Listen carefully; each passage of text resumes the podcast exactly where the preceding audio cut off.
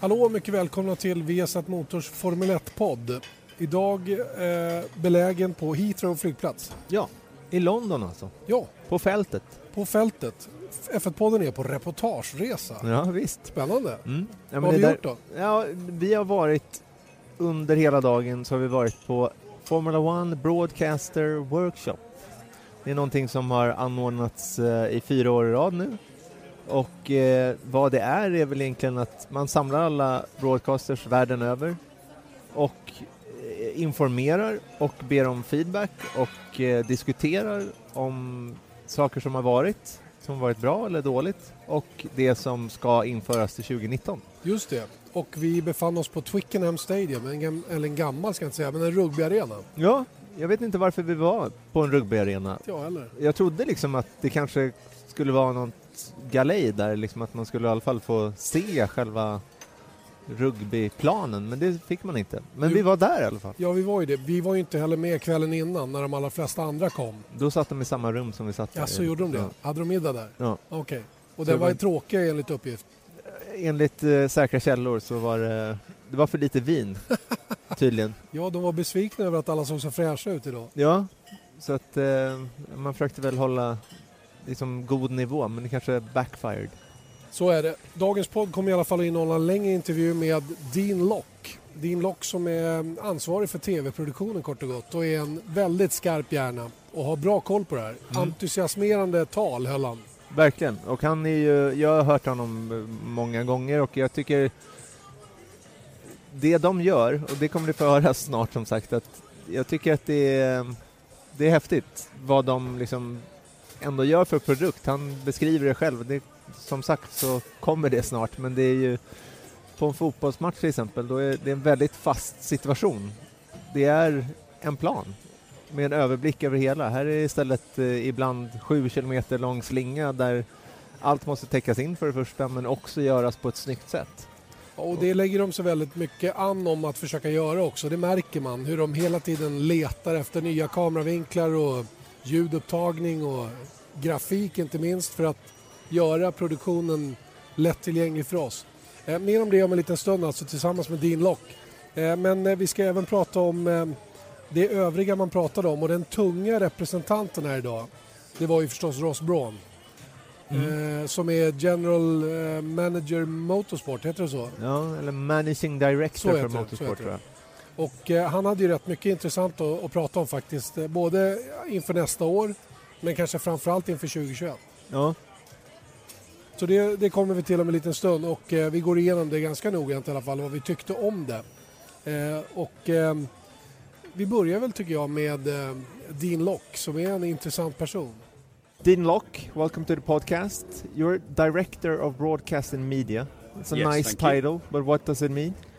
What does that mean? Um, it means that all media, video, world feed, broadcasting products for F1, um, I guess I'm responsible for. Um, primarily, our biggest product is the world feed, and that's what takes up a great deal of my time. But then we have, you know, a huge post production department that are doing news edits, edits, um, whether that's for broadcasters internally, marketing, um, but yeah, products, uh, footage, content. But you are you actually doing the, the direction of the world feed?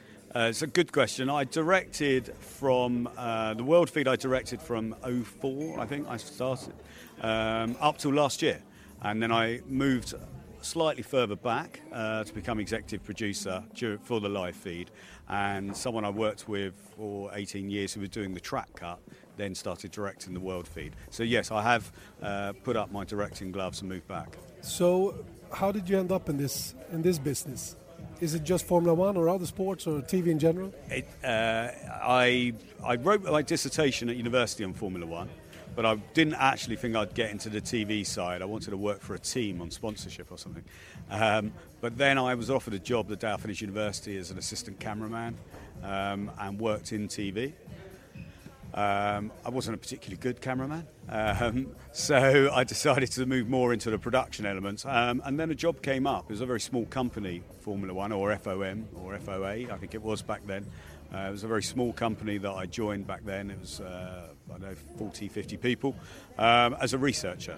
And uh, then my goal was to get onto the live feeds, um, which we, we did a multi-channel broadcast, which I cut my teeth on directing. And then when we took on the responsibilities for some of the world feeds in 04, I was selected to do that. So. Listen, I started my career doing this multi-signal back really? in '97.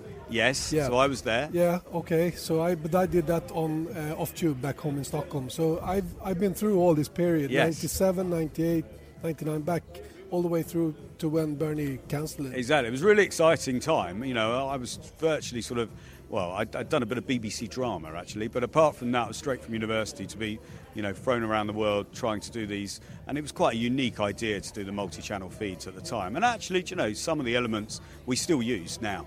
Yeah, uh, I can really see the similarities from back then. And Yeah. it seems to me it was very early. Yes, it was.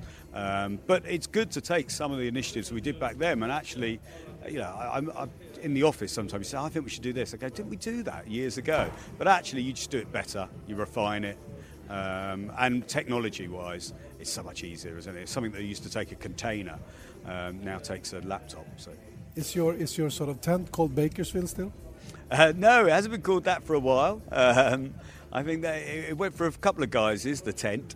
Uh, it was Bakersfield, then I think it became the Hamlet because it went from this huge entity to a tiny little thing. And in, in Great Britain, you get a town, a village, and a hamlet is a, n- not quite a village. So it became the Hamlet, and then it became the technology centre. Now it, I, I refer to the broadcast centre, but Andrew, our te- technical director, probably calls it a technical centre. Let's get back to ancient times. Yes. maybe later when we have more time. But let's move to uh, present time. Yes. How many people are involved in doing the Formula One World Feed? I know the production isn't only based on the circuits; it's also in Yeah. Biggin Hill in Great Britain. It's, it's a hard number actually to work out. I mean, we we take 220 odd people to a race, but that is turnstiles, that is AV in the paddock club. There are all sorts of elements. We, I mean, not a lot of people know we also do all the timing for the event. We're licensed by the FIA. Um, as you already know, the onboard cameras on the cars, but the, the loops in the track, everything else, um, we're responsible. There's about 220. Actually, pulling out how many of them involved in the world feed is actually a difficult sum because we have we have rig teams that then become cameramen. We become really uh, really clever on resources in that kind of area. It, but it, it's probably over 100. Um, so it's a fair few. And then back, as you said, at Biggin Hill in England, we have a remote operations centre where we do things like team radio, um, a lot of social media elements, a lot of grabbing, some onboard camera replays we do back there now, half the onboard camera replays. Um, there's about 30 people over a weekend. So. So let's talk equipment. How many cameras do you have uh, to cover each race? Um, we have in the region of 60 cameras, not including the onboard cameras. Each car has two onboard cameras fitted minimum, front and f- rear facing, and we can have one on each car switched on all the time. So if we want a rear facer for a driver, we have to switch his forward facer over, which we do, you know, fairly seamlessly. Um, so I guess that's, you know, that's that's taken us up to. In our replays, we have 112 inputs. So, th- it raises the question: How do you know what to select and what to focus on? It's a good question and, and pretty difficult to explain. So, how we break it down, we do submixes. So, we have a person responsible for onboards, person responsible for replays. Then there's a main director who has all that at his fingertips and he's just deciding which is the best way of covering this piece of action. We have an editorial director um, who's choosing who we should be on. You know, so should we be on this battle? Shouldn't we be on that battle? Races are a bit more visual. Uh, qualifying's about times, isn't it? So you do it from timing strings. And then I'm on a, a slightly layer back with some other assistants as well, um, really looking at the overall product. Have we been on the leader too long? Should we dive back? Have we told that story? You know, did we say why Grosjean went out or another driver? Um, so it's multi-layered. Um, we're very formulaic. It's the same team primarily for nearly all the races, um, and a lot of them have got a lot of experience. I mean, Formula One's a tough sport to cover. It's not like football. You know, football. People don't aren't criticising so much about the coverage from football. They have one ball and one pitch. We've got 20 balls going around a 5.5 Yeah. kilometre circuit, all with all doing their own piece and their own story, really. Yeah, and often hot topic is the team radio. Then drivers can get annoyed when things they say in the heat of battle gets broadcasted. How do you cover it, and, and what's the process of, of getting a transmission on air? Okay, uh, well, yeah. Big The- question, maybe. It is a good question. Uh, so, team radio. Uh, I know that some sports, you know, particularly something like NASCAR in the states, they just put the team radio out live. So they they would just play it out. We have strong accents in, in Formula One, in you know, different nationalities. They're in a harsh environment to hear what they're doing. So we took a slightly different stance as well. And also, some of it is quite boring. Some of it's quite engineering based, R2, L2, uh, things like that. So what we decided to do with it was actually edit, edit it a bit more. There's roughly about a 15 second delay on Mm-hmm. the radio you would hear. It's not much more than that. Uh, sometimes it sounds like it's more, and I question the, But the but editor. but does it get ever get old for you? Uh, I mean, Yes. production wise, Yeah, it's, it's- if it's it's, a minute old, a lap. yeah. And don't forget, a lot of it is time specific. Yeah. Oh, the gap's 2.2. We can't use it, can we, for much longer? Uh, so roughly, majority you'll hear is a 15 second delay. And what will that will be is the editor will be hearing. We have spotters and editors. They will hear something that's interesting. Alonso complaining of tyre degradation. As as that's coming in, they will set an in point for it. They will monitor it. They will offer it. The producer will offer that to the director. I've got Alonso complaining about tyre degradation, and we'll plan for that to go out. We maybe find a shot of Alonso, or to supplement that thing. While that's going on, they're waiting for the end of it, and they will clip that up, and then we'll play it out. If there's a swear word in it, we're able to deal with that effectively. Um, occasionally, we go as live, so some of the stuff on outlaps and winner sometimes as soon as that comes in we just play it out because we're pretty guaranteed it's going to be interesting um, and two we know that there's probably not going to be any swearing But, but have you ever hesitated on, on broadcasting some of the stuff that you get in, which you know is hot material, sort of? Uh, we, we don't have an allegiance to any single team. Um, well, no, really, our narrative is what is interesting? What is the viewer going to find interesting? It's the same with the battles on the track in the same way. If the leaders are going around, we're not just going to show them because they're in the lead. We're going to go after battles because that's what people want to see. And the same with the team radio. We're not overly worried. If it's, if it's difficult to understand, I might reject it. Sometimes no, or that could be a bit confusing because of that. But I mean, you've, you've heard some of the team radio we played out. We haven't exactly held back, I don't think. No, and a lot of bleeping as well. Yeah, well, sometimes. that's just fun. yes, exactly. Th- th- You know, I've sort of said uh, this just recently. Um, we're able to speak to the drivers just before they're about to get into a car at 200 miles an hour. We're able to speak to the drivers before they've even got their crash helmet off sometimes, whether they've crashed out or actually in the parc ferme. And we're able to hear from the drivers when they're absolutely on edge, doing all of those incredible things. If you watch golf, you don't actually hear from the golfers really within No. for five hours. I think we have unique access. We have even heard you or someone talk to the drivers. Uh, we had a, a fun incident in Monaco when, when Jensen was having Fernando Alonso's car and stuff like Yes. that. Is that a is that a, something that uh, has been raised by you guys that maybe someone should be able to talk to a driver during a safety car period or something like that? Yeah, it- it- it's a it's a mechanism we've got, so we can do it remotely, as you saw with Jensen did it Yeah. from uh, you know Indy and, Indy, uh, Monaco, Indianapolis, um, and we've done some other ones as well. Um, so we have that access that goes straight into our com system. Um, we try to do it right. The drivers, quite understandably, are quite protective of when they can be talked to. I, you know, I remember Barrichello. You know, loved Jock Clear, giving him a step by step. He's on your left, he's on his right, he's moving up, and it was gold, TV gold for us. And actually, none of them do that now. They don't have it. Um, quite often, you'll hear the drivers complaining, "Don't talk to me on turns. Don't talk to me on braking points." Probably understandable. I've never driven a Formula One car, but I imagine you know you that would be quite distracting.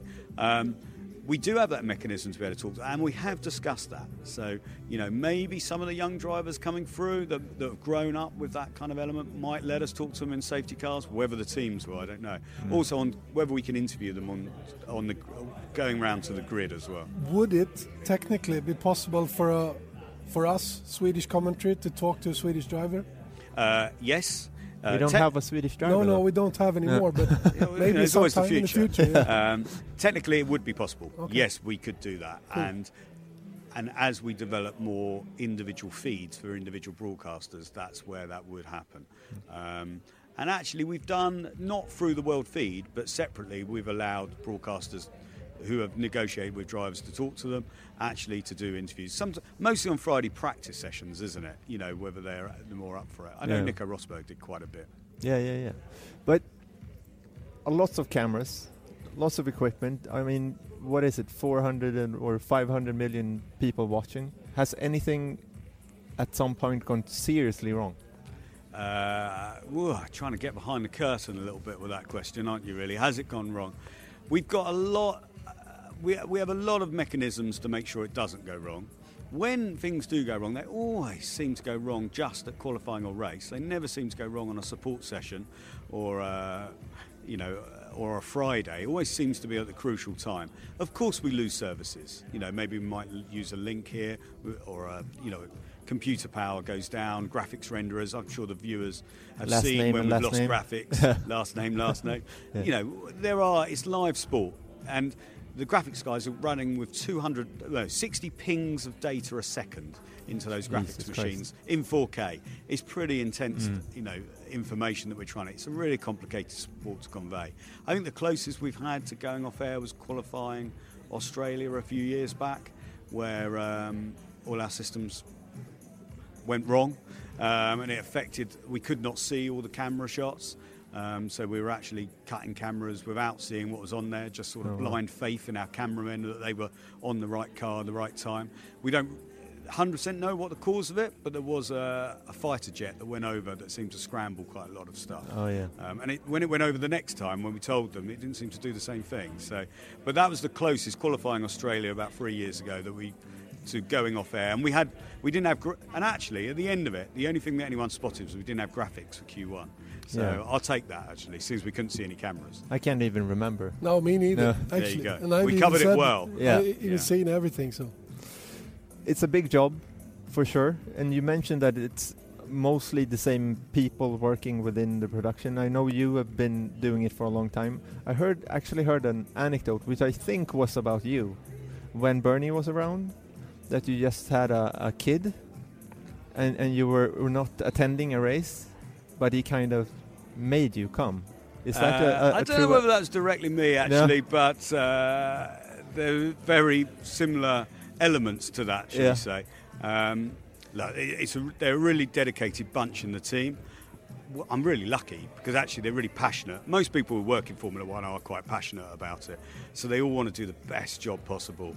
Um, so actually, keeping people is never an issue, um, and getting people to, uh, you know, if you don't, you know, a bit of a job advice: don't join, you know, R and D teams in Formula One. You know, whether that's with a team or whether it's us, because you're going to do late nights you know, and when people say to me, "Oh, I really fancy working in, form, you know, Formula One television," I say, "Right, well, you're happy giving up weekends and holidays because uh, you're not going to get too many of them." But um, We yeah, they're really passionate about it, and I think we all give as much as we possibly can, really. So listen, we, we talked about the, the super signal that we called it back in the late 90s and in the beginning of the Super two- channel, yeah. Super channel, yeah. Um, how has the world feed evolved through the years? As we said a bit earlier, we took influences for what the Super Channel was back then because it was a bit of ahead of its day. We've got 90 broadcasters in 200 territories, so we have to build a world feed that works across the board um, and works for everybody. And that can be difficult. Multiple languages, um, and it's a tough sport to cover. It's developing all the time. It's a real, uh, you know, 2018, I think we developed more than any other year we've ever seen. I was speaking to some other people in sport broadcasting, and they were commenting that every race we seem to have some new dimension, uh, some new initiative and element.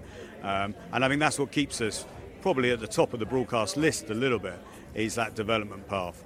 Don't get me wrong, they don't all work. And actually, sometimes we'll get rid of them or change them or, or you know, reinvent them. But uh, yeah, we're working really hard to bring something out all the time. I guess uh, this is the cue for us to end It this seems that interview. way. Yeah. Thanks, Dean Locke, for, for being with us. And Pleasure. good luck 2019. Thank you very much. Thank you. Dean Locke där alltså. Eh, Vi fick eh, avbryta helt enkelt för vi skulle börja om. Alltså det här var ju mitt i en paus under den här dagen då när vi fick prata med honom. Och han pratar mycket och han pratar gärna. Mm, det gjorde han verkligen, men jag tycker att eh, jag hade velat ställa några frågor till, men det får vi ta vid ett annat tillfälle. Som sagt så har jag verkligen velat göra ett tv-reportage om världsfeeds-produktionen eh, och det har varit eh, tvärstopp av någon anledning. De vill liksom inte ha in eh, sändande bolag där. Och jag vet inte om det är yrkeshemligheter eller vad det nu kan tänkas vara, men vi jobbar på. Så att eh, det är lite samma sak som vi pratade om i föregående säsong, att ser ni det i rutan så har vi lyckats. Eh, vad tyckte du stack ut då i intervjun? Var, var det någonting som du upplevde var lite anmärkningsvärt i, i det han sa? Ja, men det var ju en väldigt stor förändring som skedde till 2018 eh, med väldigt, allt grafik blir ju ny. De försökte liksom nya sändningskoncept med liksom lägre kameror, eh, rörliga kameror längs banan och, och eh, annan teamradio, annat fokus på teamradion ska man säga. Och det är ju inte så mycket som som, det kommer tweakas till 2019 kan man säga, snarare än att liksom utvecklas massa nytt. Utan de kommer försöka få allting att funka rock lite solid. bättre, Ja. lite bättre. Lite mer, lite bättre. Inte allt mer, en del lite mindre. Eh, Och eh, jag tycker också det var spännande allt det här han berättade om radiotrafiken. Eh, Hur de jobbar runt omkring den. För det var någonting som jag var himla nyfiken på hur det går till. Mm. För jag har fått för mig att de har varit rätt noga med att censurera sånt som inte ska gå ut. Men det- är snarare så att de, de är rätt så, eh, ja, de är rätt så eh, fria att släppa ut vad de vill. Naturligtvis måste det pipas när de svär. Mm. Men i övrigt så är det med ganska liten fördröjning som grejerna kommer ut. Ja. ja men, och det var kortare än vad jag trodde, 15 sekunder säger han. Så det är ju... Sen kan det, jag tror att det är längre vissa stunder ändå. Han säger within a lap. Så Ja. att eh, det är väl kanske mer representativt i snitt. Men, eh, ja, men det är coolt. Och det är ju en jäkla... Tänk dig själv att sitta och ansvara för hundra olika bildkällor. Jag menar, jag fattar inte. Jag kan, han förklarade hur, men jag kan fortfarande inte... När man jobbar med det här jag, eh, jag tycker det kan vara lite svårt. Vi har väl fem feeder in eller någonting sånt där. Och nu är det inte jag som trycker på knapparna direkt, men det är ändå mycket att ta in. För det är liksom ett skeende i racet och de bygger ju det här också. Så de försöker liksom berätta en historia med det, medan vi försöker liksom avläsa historien. Så att, eh, ja, jag vet inte om jag skulle vilja... Ja, det hade varit kul att, att jobba med den också. Visst, visst hade det varit det och, och eh, som, som vi sa då, det är inte jättemycket stora förändringar till 2019. Mer en justering av saker som man upptäckte under 2018. Det som möjligen kommer till då är det här med AWS. Mm. Amazon Web Services. Hey, I'm Ryan Reynolds. Recently, I asked Mint Mobile's legal team if big wireless companies are allowed to raise prices due to inflation. They said yes. And then when I asked if raising prices technically violates those onerous two year contracts, they said, What the f are you talking about, you insane Hollywood ass?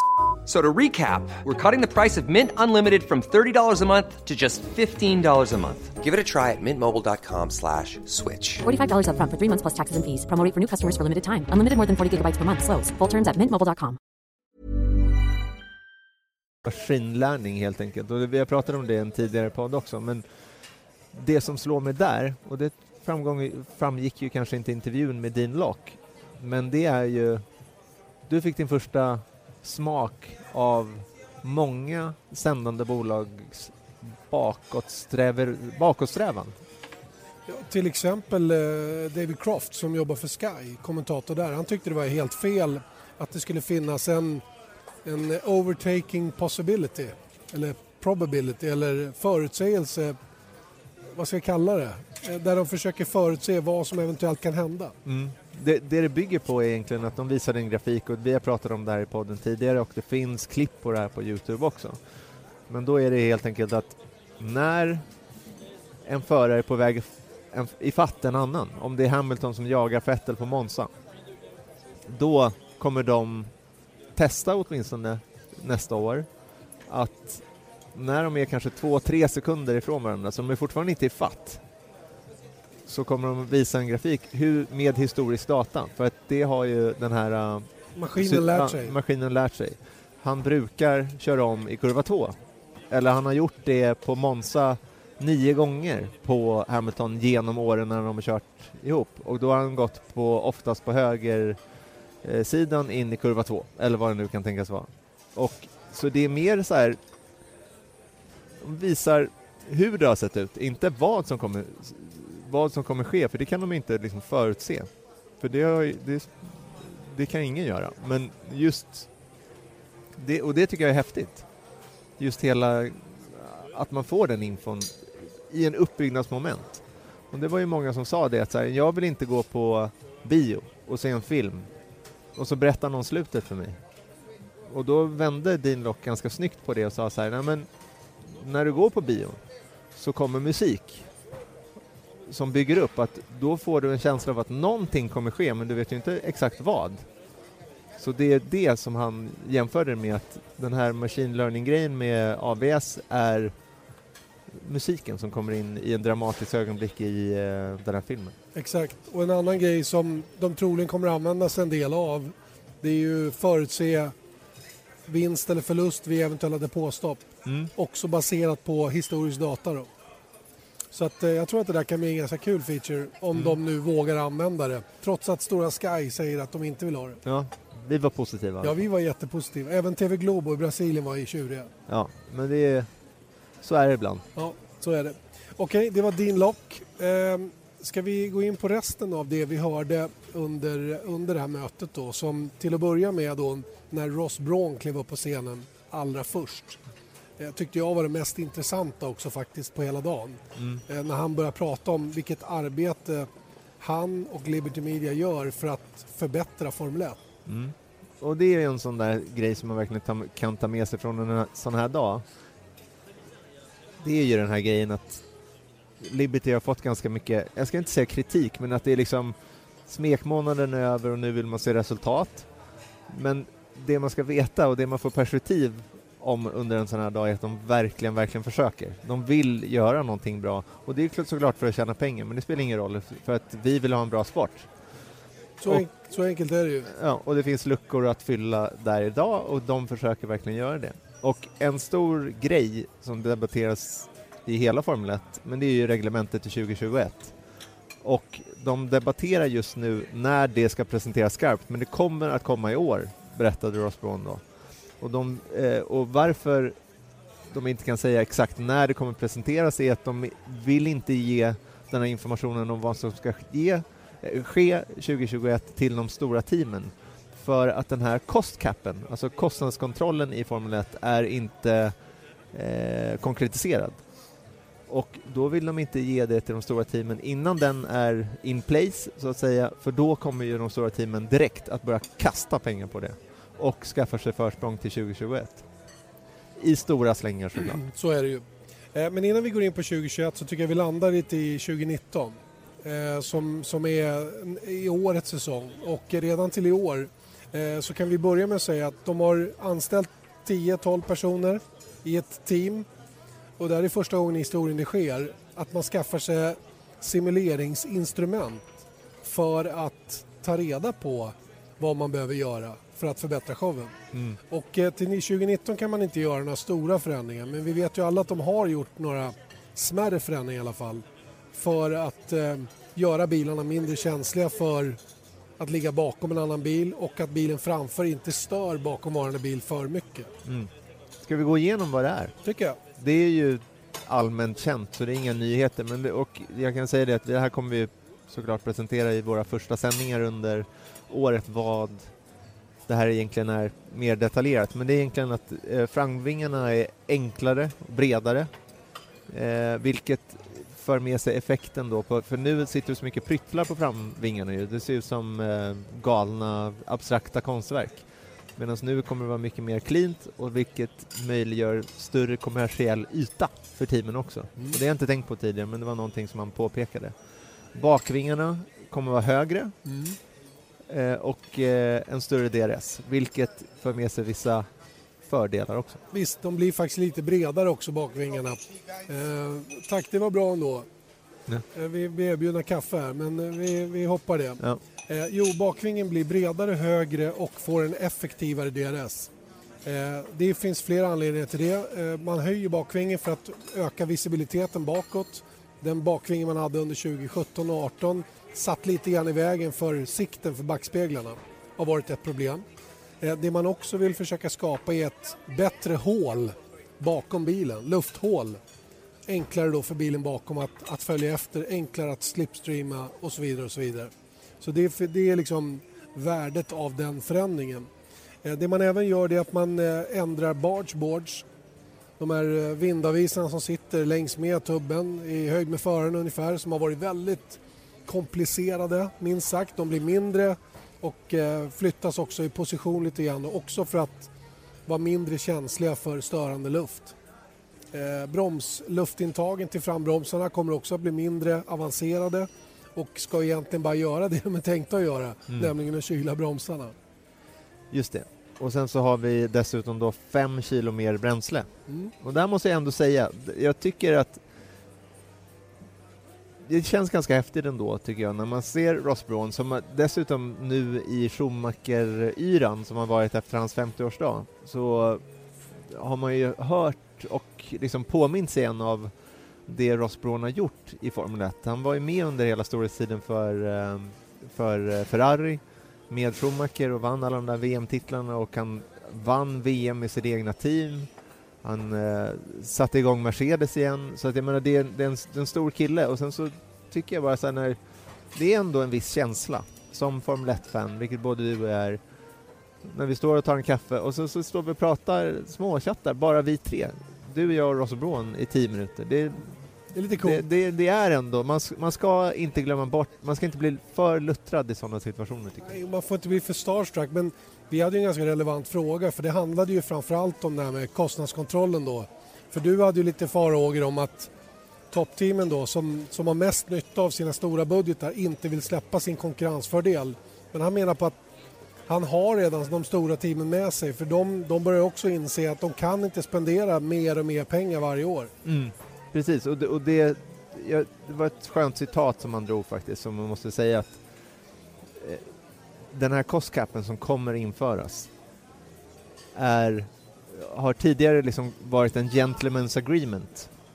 Och då så säger han, så skönt tyckte jag, att han bara The only problem is there are no gentlemen in Formula 1. So that agreement failed and it could only fail. Och, men nu kommer den kontrolleras då genom Sporting Regulations och FIA. Så att om du bryter mot de här reglerna runt cost cap eller cost control eller kostnadsbegränsningarna så, så kommer du straffas sportsligt av det. Och det gör ju hela skillnaden. Mm. Och det här är ju då från 2021 som det kommer implementeras fullt ut. Men redan till nästa år Mm. så kommer man faktiskt att torrköra det här kostnadstaket eh, och eh, ger teamen möjlighet att redan nu köra enligt den modell som man tar fram. Mm. Men man kommer inte att bestraffas för det. Och det, det är mer en så här, en dry run kallar man det. Till 2020 så kommer kostcapen vara in place men du får ingen bestraffning för det. Vilket också är lite konstigt så att jag vet inte Ett år många- till med torrkörning typ. Ja men precis, det är väl det. Men sen till 2021 så kommer de införa kostcapen och då blir du bestraffad om du bryter mot reglerna. så, så vad sa han till dig då när du frågade om det här? Han sa att, nu glömde jag bort vad, vad jag ens Ja, frågade. men du var ju orolig för det här. Att Jo eh, men just det, jag tänkte så här att i min logik så var det så att okej, om, om eh, man ser Formel 1 som en marknadsföringsplattform för Mercedes till exempel. Just nu, om de slänger tillräckligt mycket pengar på det och bibehåller sin dominans, då är det en ganska garanterad eh, bra marknadsföringsplattform. Om de istället då tar bort de här pengarna som de faktiskt slänger på Formel 1, och vi kan komma in på hur mycket pengar de faktiskt slänger på på Formel 1, vilket är absurt. Då, och de istället tävlar om åttonde plats. Då kände jag så här, men då kommer ju de inte vilja göra det längre. Men hans svar var ju också mycket logiskt. I att det är då... Eh, för det första är alla teamen med på den här kostkappen nu, vilket jag inte trodde. Men det är, enligt, enligt Ross Brown så är alla teamen liksom positivt inställda. Det som debatteras är hur, hur, ser, hur mycket pengar är kostkappen? Var går eh, begränsningen någonstans? Och det är det som debatteras just nu. Botox Cosmetic, out botulinum toxin A, FDA approved for over 20 years. So, talk to your specialist to see if Botox Cosmetic is right for you. For full prescribing information, including boxed warning, visit BotoxCosmetic.com or call 877-351-0300. Remember to ask for Botox Cosmetic by name. To see for yourself and learn more, visit BotoxCosmetic.com. That's BotoxCosmetic.com. Men eh, Mercedes har då spenderat, för eftersom deras kostnader är offentliga i England, så har det kommit fram då, eller offentliggjorts, att Mercedes spenderar 500 miljoner dollar på bilen. Formel 1-teamet ja. Ja, Mm. på bilen. Sen ytterligare 200 miljoner dollar på motorn. Mm. En viss del får de igen eftersom de säljer sina, eller leasar sina motorer, men det är ju en försvinnande liten del i sammanhanget. Så totalt sett så är det 6,3 miljarder svenska kronor Mm. som de lägger årligen på sitt Formel 1-team. Och kostnaderna för Mercedes har ökat 15 procent varje år sedan de kom tillbaka till Formel 1. Ja, med det i åtanke, då kan man ju förstå att Mercedes själva förstår ju att det här är ju ohållbart. För till slut så kommer det en ny VD, som man Som de sa. har fått Ja, i Ola Källenius. Ja, en svensk. Och känner så här, nej. Bilindustrin går inte så bra just nu. Eller det går inte så bra för oss nu. Vad kan vi, vad kan vi stryka? Ja, men Formel 1, vi spenderar 6,3 miljarder kronor på det per år. Låt oss dra oss ur. Så det är snarare så att de förstår sin egen sårbarhet här och väljer att godta det. Sen så kommer det ändå vara bevakning av territorium och sånt där för de vill ju ha en större kostkapp än vad andra kanske vill ha och, så vidare. Och han säger också att han menar ju på att gå andra vägen. Ge dem en miljard Ja, och så ger dem ett fritt reglemente. Det är bättre. Mm. För han menar på att så himla mycket saker som idag används och som, som man har, de, de finns, de tekniska eh, begränsningar som finns idag, de är ju för att försöka begränsa kostnaderna men de, är, i gen- de skapar egentligen bara mer kostnader. ja. Så det är bättre, han menar på att ni får en miljard. Use it.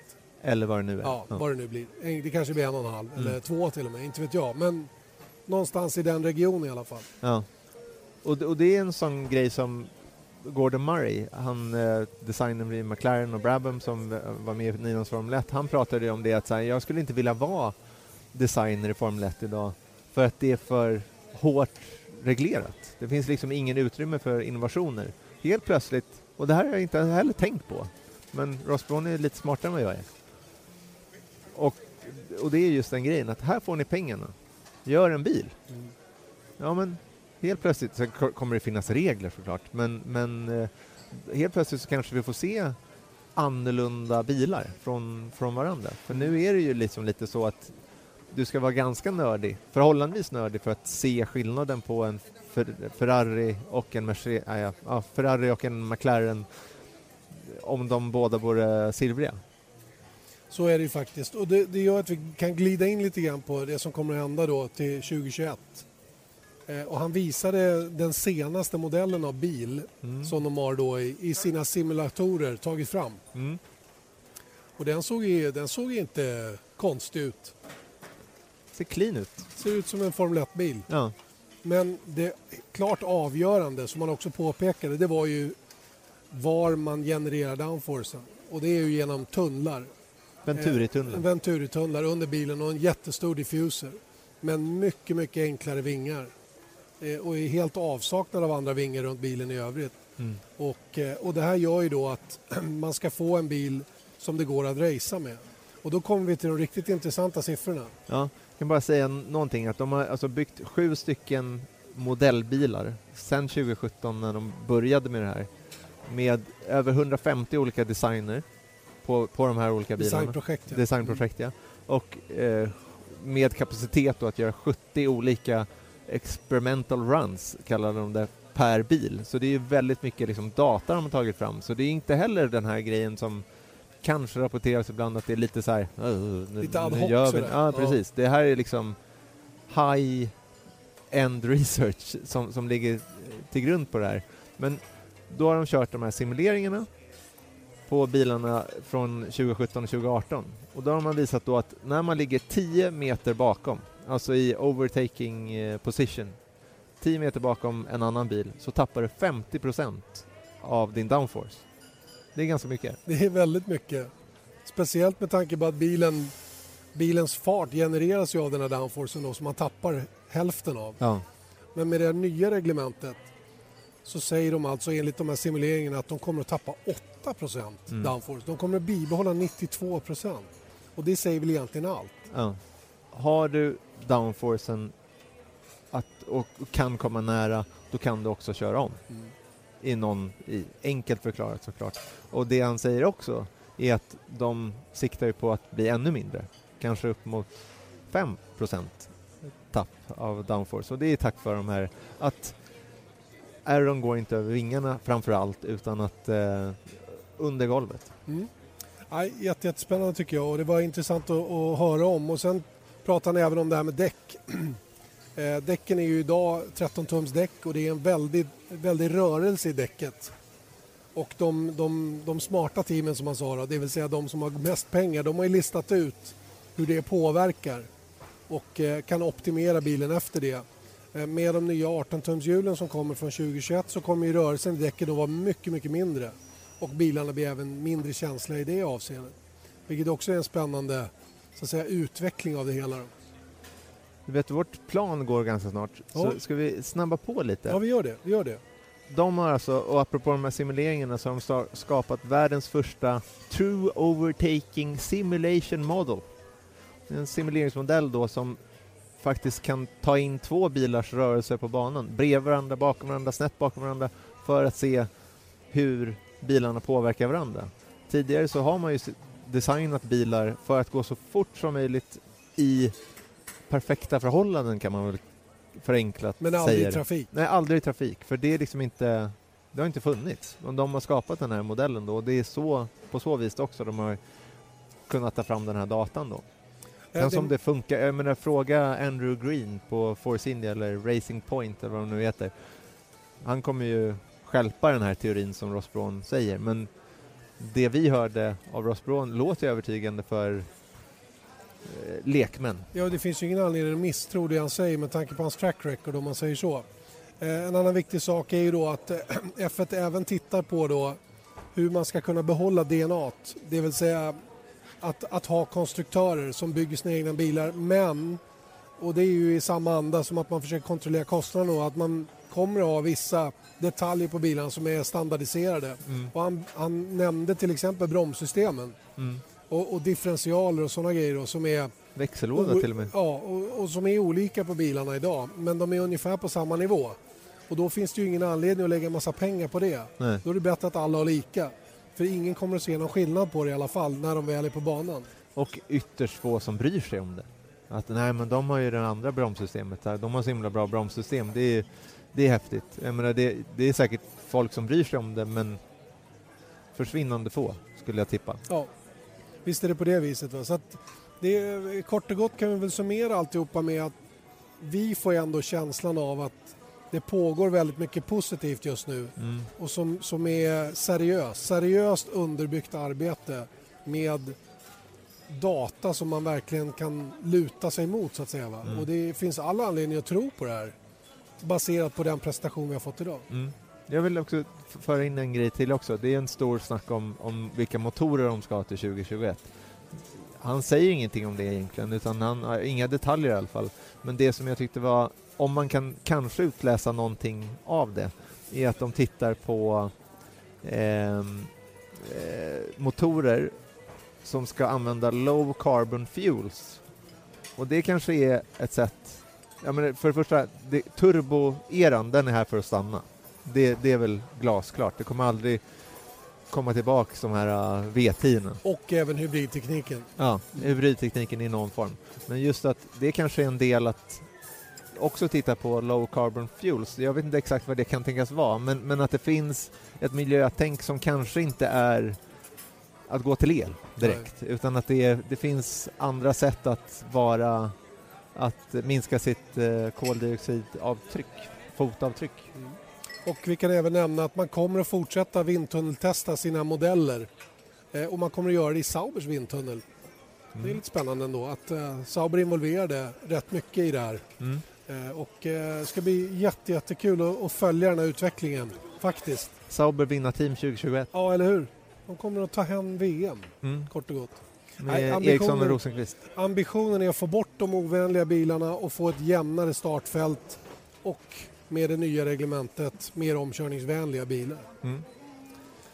Till sist då, Ja. Race of Champions-helgen. Ja, äntligen ska jag få jobba lite. Mm. Ja, det var länge sedan.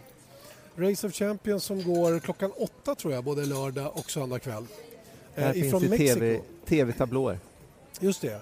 i eh, Mexiko, inne i baseballarenan, kommer Mm. man att köra. Och eh, där var ju Fredrik Jonsson var ju väldigt glad över att få vara där för att de har ju kunnat bygga banan så långt i förväg och till och med kunnat testa den. Mm. Och menar på att det kommer att förbättra showen ännu lite mer. Och Mm. eh, det är ju några spännande förare som kommer att vara med trots allt. Mm. Vi har ju eh, Sebastian Vettel, David Coulthard, Elio Castroneves, Mm. men också Johan Kristoffersson, Joel Eriksson från Sverige, Mm. håller tummarna. Tom Christensen, Ryan Hunter Ray, Joseph Newgarden. Om man vill hålla koll på Indycar så kan man ju liksom titta lite på dem extra. Petter Solberg, eh, Jean Pablo Montoya, Timo Bernhard, René Rast, Lando Norris. Mm. Så har vi Joel Eriksson andra. också. Ja, Ja, jag, jag sa det faktiskt. Bra. Ja, men det, det Mick finns... Schumacher, har jag sagt det? Ja, Mick Schumacher kommer att bilda par med eh, Sebastian Vettel då i, in, i nationstävlingen. Herregud, Ja, jag det blir på att tungt. missa. Det blir tungt. Mm. Missa inte det. Nej, Kommande helg alltså. Lördag, söndag, Race of Champions ifrån Mexiko.